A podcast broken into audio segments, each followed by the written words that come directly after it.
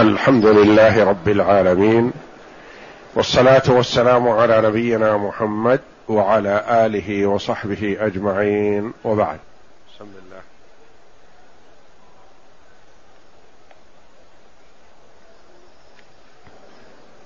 إلى أمثال هذه الأحاديث. بسم الله الرحمن الرحيم. قال المؤلف رحمه الله تعالى إلى أمثال هذه الأحاديث التي يخبر فيها رسول الله صلى الله عليه وسلم عن ربه عز وجل فيما يخبر به فإن الفرقة الناجية أهل السنة والجماعة يؤمنون بذلك كما يؤمنون بما أخبر الله به في كتابه من غير تحريف ولا تعطيل ومن غير تكييف ولا تمثيل بل هم الوسط في الفرق.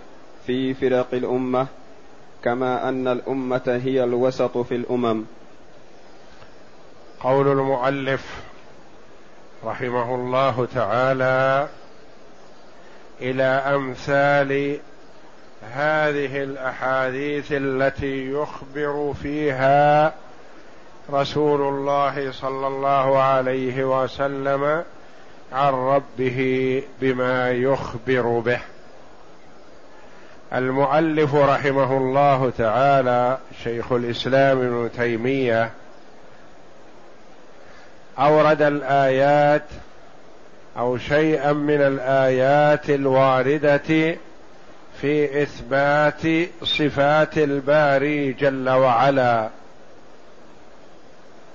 ثم أورد بعدها شيئا من الأحاديث الواردة في صفات ربنا تبارك وتعالى. وقد أورد رحمه الله أمثلة على إثبات الصفات مع وجود آيات كثيرة وأحاديث كثيرة في إثبات الصفات. لكنه رحمه الله ما أراد الاستقصاء وما أراد ذكر كل ما ورد وإنما ذكر أمثله. ولذا قال هنا إلى أمثال هذه الأحاديث. ساق الأحاديث وقال إلى أمثال هذه الأحاديث. وقد ساق رحمه الله ستة عشر حديثا في إثبات صفات الباري جل وعلا. منها ما هو إثبات لصفات واردة في القرآن واستدل بآيات عليها واستدل بأحاديث. ومن هذه الأحاديث ما هو دال على صفات ما ورد لها إثبات في القرآن. وصفات ربنا تبارك وتعالى لا تثبت إلا بالقرآن أو السنة لأنها لا مجال فيها للاجتهاد ولا للعقل. وإنما اثبات الصفات توقيفية. معنى قول السلف رحمهم الله توقيفية يعني يتوقف على ما ورد في الكتاب أو السنة. ولا مجال للاجتهاد فيها. نجتهد في إثبات صفة للباري جل وعلا. لا ما يناسب ولا يليق. لأن الإثبات لا بد أن يكون عن الله تبارك وتعالى في كتابه العزيز أو عن الرسول صلى الله عليه وسلم في السنة الصحيحة لأنه عليه الصلاة والسلام لا ينطق عن الهوى إن هو إلا وحي يوحى. والله جل وعلا قال عن ذلك وما آتاكم الرسول فخذوه وما نهاكم عنه فانتهوا. لا يليق أن نأتي بصفة لله جل وعلا باجتهاد منا.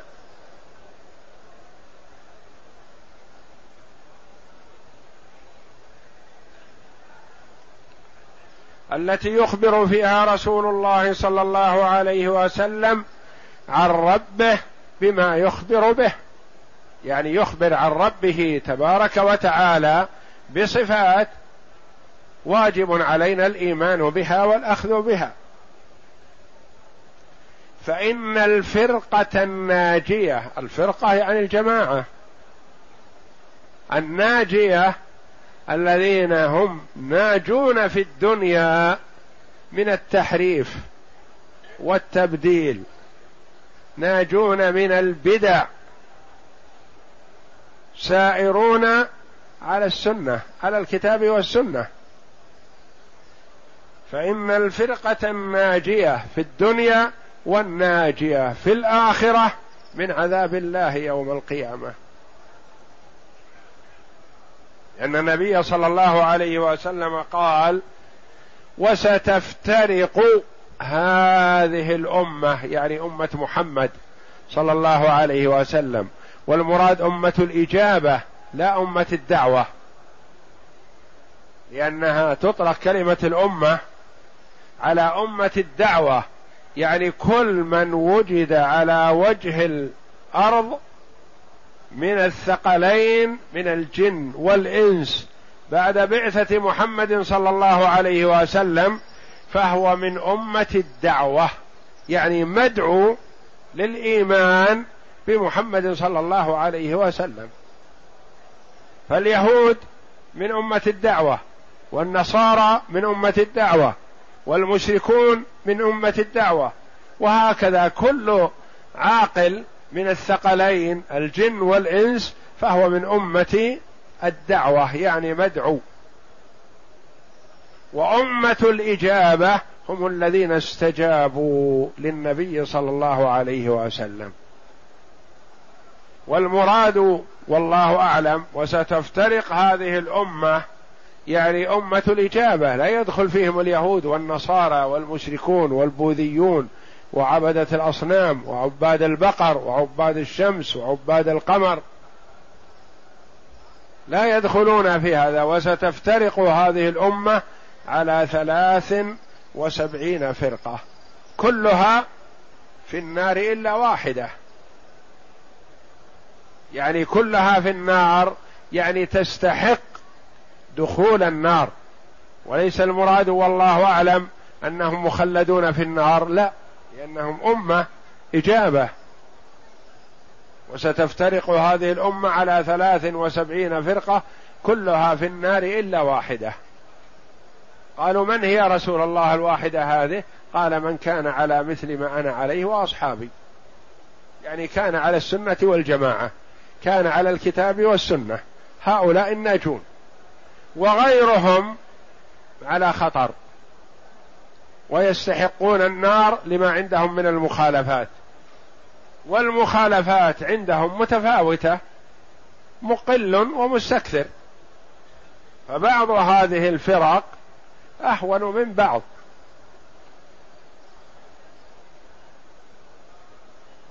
وهم متفاوتون. فمثلا الأشاعرة عندهم مخالفات لكنهم أقل من المعتزلة ومن الجهمية.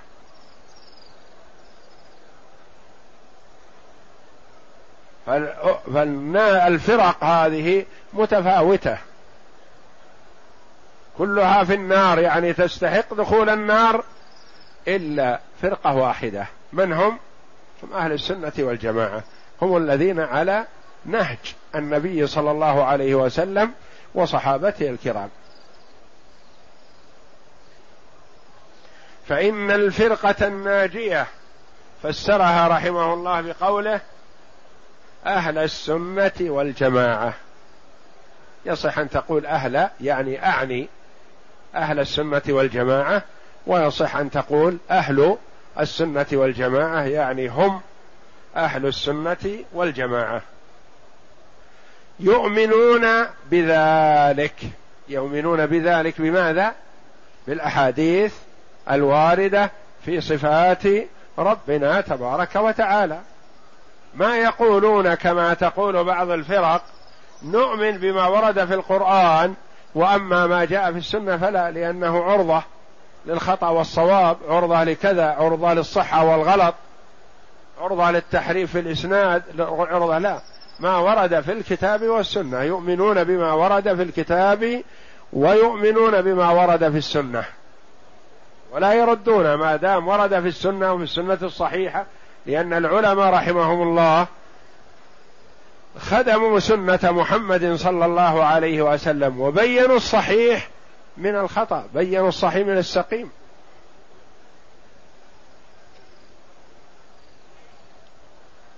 يؤمنون بذلك كما يؤمنون بما أخبر الله به في كتابه. يؤمنون بذلك يعني بالوارد في السنة كما يؤمنون بما أخبر الله به في كتابه. لأن ما أخبر به الرسول صلى الله عليه وسلم حق ولا مجال للشك فيه. فمن شك فيما جاء عن النبي صلى الله عليه وسلم فهو لم يشهد أن محمد رسول الله حقا. وإن شهد لكن شهادته مخدوشة شهادته مجروحة ليست تحقيقا.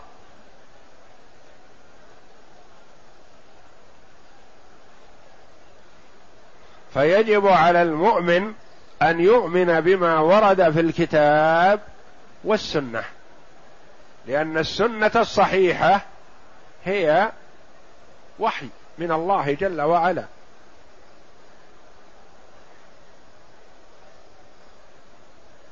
ولا يتردد في هذا ولا يقال هذه الصفة لا نقبلها لأنها لم ترد إلا في السنة. لا. ما دام أنها وردت في السنة الصحيحة وصريحة في الاستدلال فيجب علينا الإيمان بها.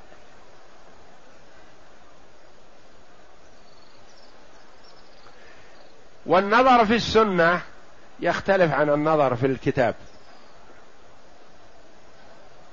لما نقول مثلا من حيث إثبات الصفة في الكتاب لنا فيها نظر واحد. وهو ثبوت الاستدلال على هذه الصفة. ثبوت الاستدلال على هذه الصفة. أو صحة الاستدلال على هذه الصفة. مثل قوله تعالى ليس كمثله شيء وهو السميع البصير. الاستدلال واضح وجلي أن قوله تعالى وهو السميع البصير في إثبات السمع والبصر لله تبارك وتعالى لا مجال للشك.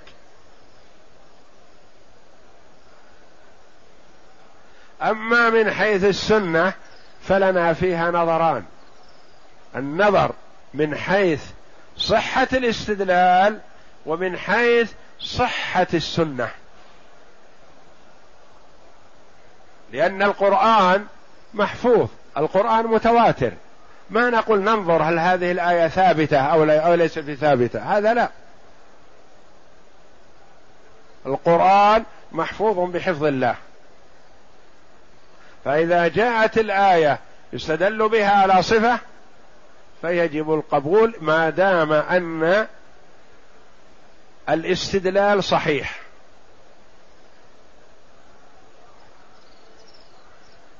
وأما في السنة فالنظر لنا من حيث صحة الاستدلال ومن حيث صحة السنة. لأن يعني في أحاديث منسوبة إلى النبي صلى الله عليه وسلم ردها علماء السنة. قالوا لا هذا موضوع هذا ضعيف. هذا في إسناده مطعن هذا كذا هذا كذا. يعني بينوا درجة السنة. أما إذا ثبتت عن الرسول صلى الله عليه وسلم فلا مجال للشك. لكن هل ثبتت؟ ما دام مشكوك في ثبوتها فنردها. لأن ما نقبل في ديننا أمور ليست بثابتة. وما دام ثبتت في السنة فلا مجال لردها.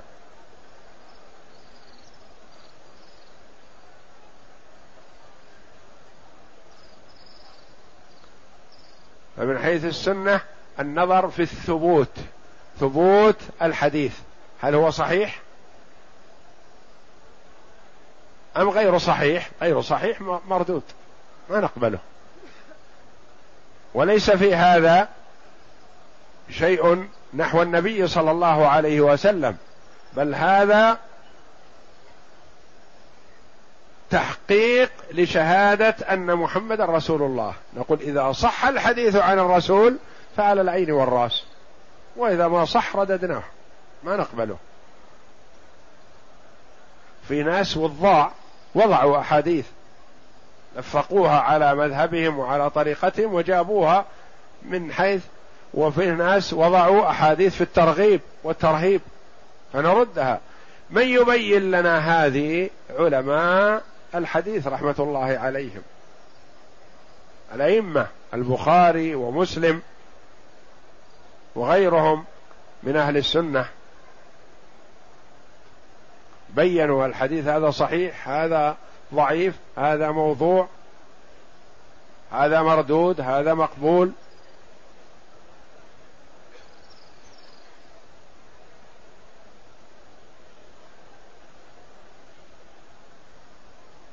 يؤمنون بذلك أي بما أخبر به الرسول صلى الله عليه وسلم كما يؤمنون بما أخبر الله به في كتابه.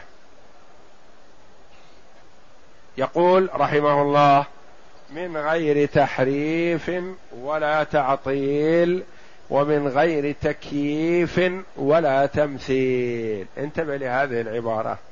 هذه عبارة مهمة. وقد كررت هنا كررها المؤلف رحمه الله تعالى. كررها مع السنة وذكرها متى؟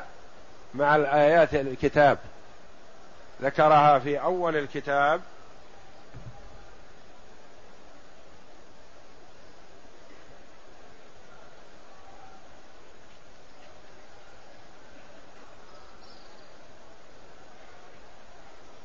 في قوله رحمه الله بل يؤمنون بأن الله سبحانه ليس كمثله شيء وهو السميع البصير فلا ينفون عنه ما وصف به نفسه ولا يحرفون الكلم عن مواضعه ولا يلحدون في أسماء الله وآياته ولا يكيفون ولا يمثلون صفاته بصفات خلقه لأنه سبحانه لا سمي له ولا كفء له ولا ند له ولا يقاس بخلقه سبحانه.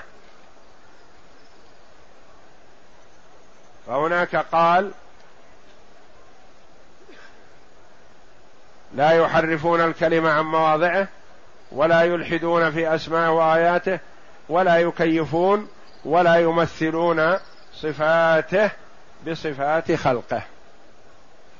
وهنا أعاد العبارة تقريبا ليثبت هذا في قوله كما يؤمنون بما أخبر الله به في كتابه من غير تحريف ولا تعطيل ومن غير تكييف ولا تمثيل. يجب أن ننتبه لهذه العبارة لأنها كلمة مهمة ودقيقة وقد يرددها بعضنا وهو لا يفهم معناها. من غير تحريف ولا تعطيل ومن غير تكييف ولا تمثيل. لا تحريف ولا تعطيل ولا تكييف ولا تمثيل. نحب أن نركز على هذه الكلمات الأربع التحريف والتعطيل والتكييف والتمثيل. وهل هي متماثلة؟ أو أنها تؤدي معنى واحد أو تؤدي معنيين؟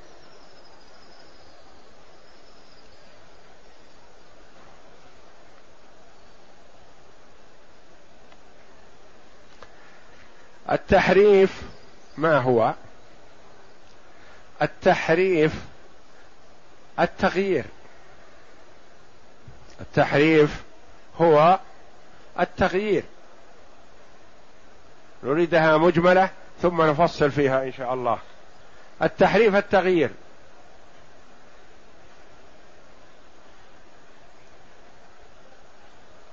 والتعطيل تخلية الشيء وترك الشيء. يقال معطل يعني ما في شيء. وبئر معطلة وقصر مشيد إذا جحد صفة من صفات الباري جل وعلا فقد عطل. لكن نقول حرف؟ لا. التحريف شيء والتعطيل شيء آخر.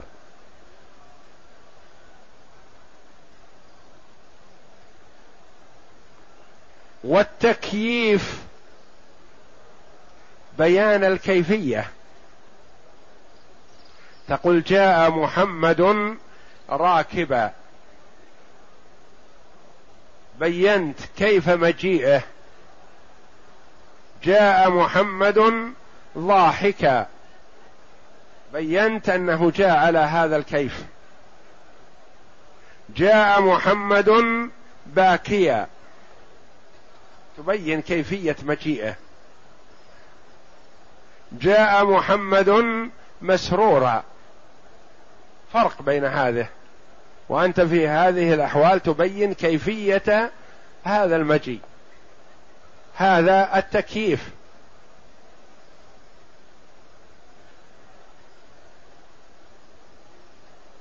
والتمثيل تمثيل مثل ما تقول مثل كذا.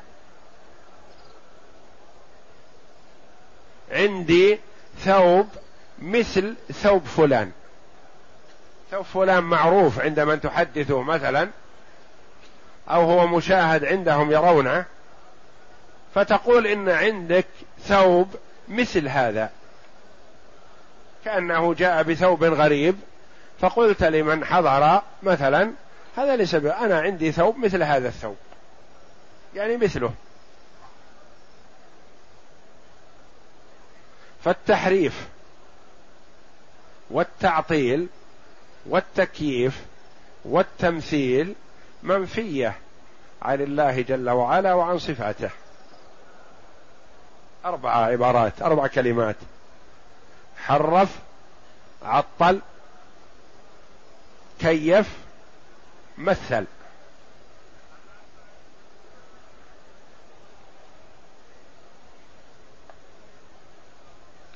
التحريف قلنا فيه التغيير. التغيير.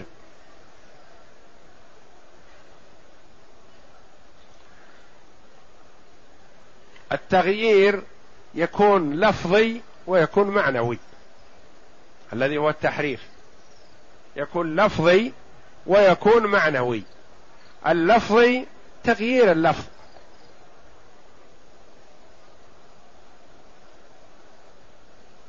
قال الله جل وعلا لليهود قولوا حطة. فقالوا حبه حنطة. هذا تحريف. تحريف معنوي؟ لا تحريف لفظي. غيروا اللفظ بلفظ آخر.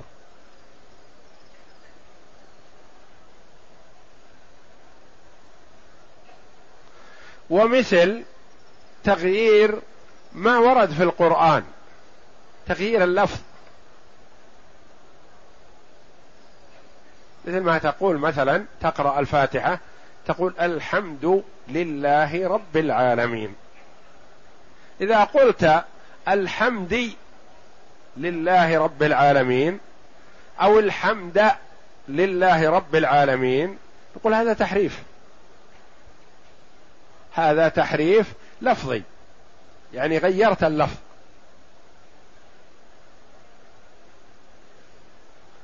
والمعنوي تغيير المعنى. المعنى من الكلمة واضح. فيصرف إلى معنى آخر. مثل تحريفهم معنى استوى. الرحمن على العرش استوى. معلوم استوى معلوم. المعنى واضح. استوى على العرش. أو يحرفونها فيقولون استولى. معناها حرف المعنى ما حرف اللفظ. هو يقرأها استوى. الرحمن على العرش استوى. إذا قيل له فسر لنا استوى يقول استولى. يقول هذا تحريف. ما يأتي استوى بمعنى استولى. لأن استولى أخذ الشيء بعد أن كان لغيره. استوى معناها واضح لكن ما يجوز لنا أن نكيف صفة ربنا تبارك وتعالى. أما من حيث المعنى فهو واضح.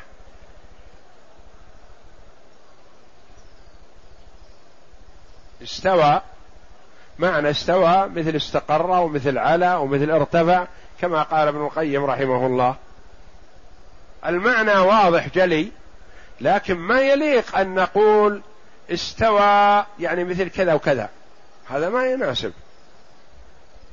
هذا لو هو مثلا استوى زيد أو عمرو على كرسي أو على عرش أو كذا نقول تربع أو جلس ودل رجليه أو نحو ذلك. هذا في المخلوق الذي نشاهده أو موصوف لنا. وأما صفات ربنا تبارك وتعالى فما يليق مثلا أن نقول كيف الاستواء؟ لا هذا ما يليق. معنى الاستواء كل عربي يفهمه.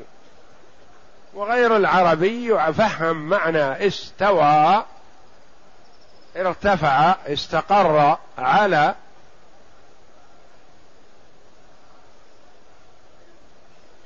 فتفسيرهم الرحمن على العرش استوى بمعنى استولى هذا يسمى تحريف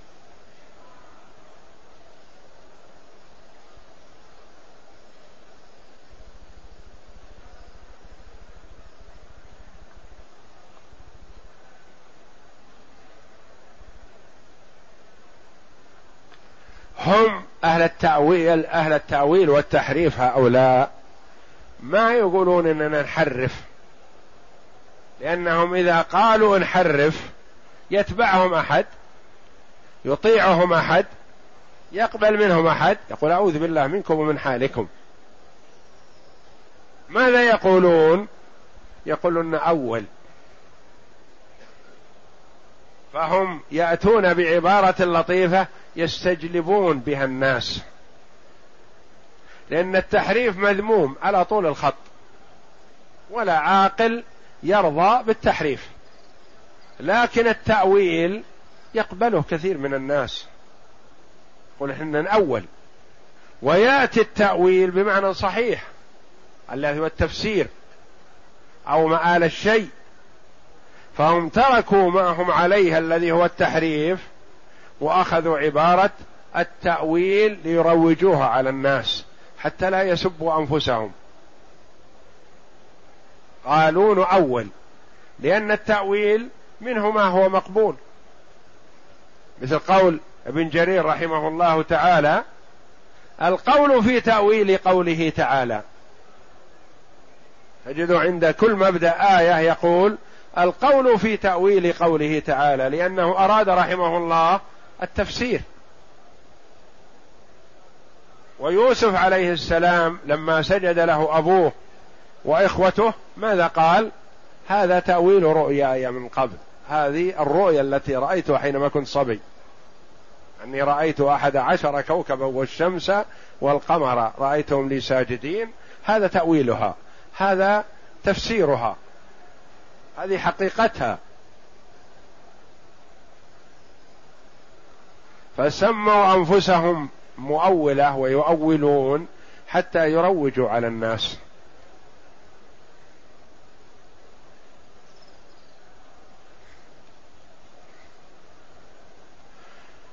والأولى والأجدر بنا أن نسميهم محرفة تحريف. لأن الله جل وعلا ذم هذا فقال يحرفون الكلمة عن مواضعه وما قال يؤولون. ذمهم بالتحريف والتحريف ذم والتحريف لا يقبله عاقل. ينادون على أنفسهم يقول نحن نحرف كلام الله من يقبل منهم؟ لكن إذا قالوا نؤول كلام الله يمشي على كثير من الناس. يقول التأويل إيضاح وبيان. وابن كثير رحمه الله وابن جرير رحمه الله يقول القول في تأويل قوله تعالى وهو مقبول عند أهل السنة والجماعة. القول في تأويل قوله تعالى وورد التأويل في القرآن ممدوح. بقوله تعالى وما يعلم تأويله إلا الله والراسخون في العلم. التأويل حسن أحيانا وأحيانا يكون مذموم إذا كان مثل تأويل هؤلاء.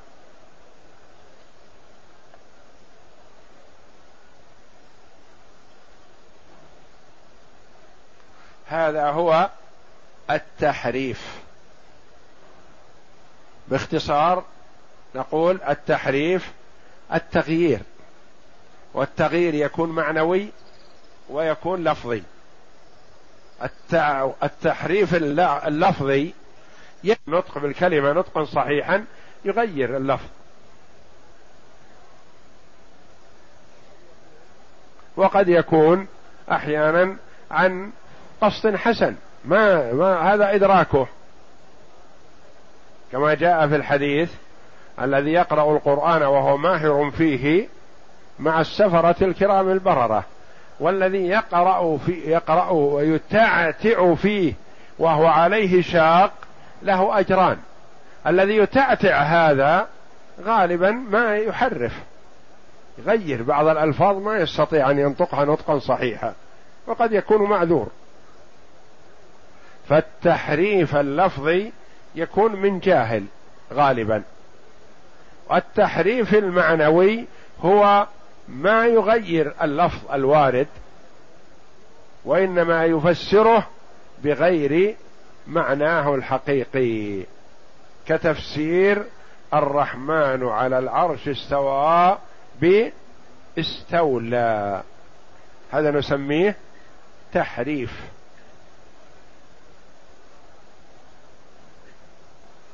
ونحب أن نركز على هذه العبارات حتى نضبطها لأنها تمر علينا في العقيدة بكثرة.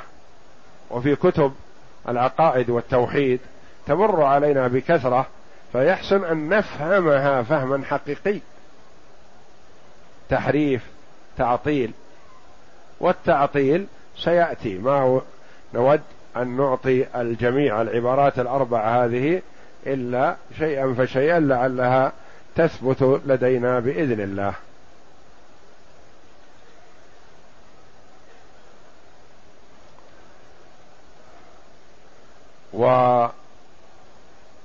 والخطر في العقيدة يأتي من غالبا من قبل المحرفة الذين يسمون أنفسهم مؤولة. يقول نحن أهل التأويل حتى يدرج على كثير من الناس. إذا قالوا تأويل قالوا نحن نريد التفسير لأن الله جل وعلا امتدح التأويل والتفسير وورد في القرآن. وسيأتي الكلام إن شاء الله على التعطيل والتكييف والتمثيل. والله أعلم. وصلى الله وسلم وبارك على عبد ورسول نبينا محمد وعلى آله وصحبه أجمعين. اقرأ الكتاب اللي معك.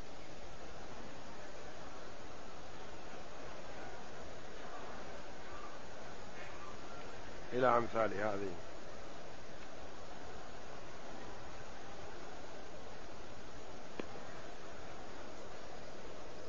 نعم. إلى أمثال هذه الأحاديث. إلى أمثال هذه الأحاديث. قوله إلى أمثال هذه الأحاديث إلى آخره. لما كان ما ذكره المؤلف رحمه الله من الأحاديث ليس هو كل ما ورد في باب الصفات من الأخبار. نبه على أن أمثال هذه الأحاديث التي ذكرها يعني هو جاء رحمه الله بأمثلة. ما استكمل الأحاديث الواردة في الصفات؟ لا. جاب أمثلة. قال إلى أمثال هذه. إذا وجدت أحاديث صحيحة فيها إثبات لصفات الباري جل وعلا وجب عليك أيها المؤمن الإيمان بها. وإنما عليك النظر في صحة الحديث. نبه على أن أمثال هذه الأحاديث التي ذكرها مما يخبر فيه الرسول صلى الله عليه وسلم عن ربه بما يخبر به فإن حكمه كذلك وهو وجوب الإيمان بما يتضمنه من أسماء الله وصفاته. ثم عاد فأكد معتقد أهل السنة والجماعة وهو أنهم يؤمنون بما وردت به السنة الصحيحة من صفات كإيمانهم بما أخبر الله في كتابه من غير تحريف ولا تعطيل ومن غير تكييف ولا تمثيل. والله أعلم وصلى الله وسلم وبارك على عبده ورسول نبينا محمد وعلى آله وصحبه أجمعين.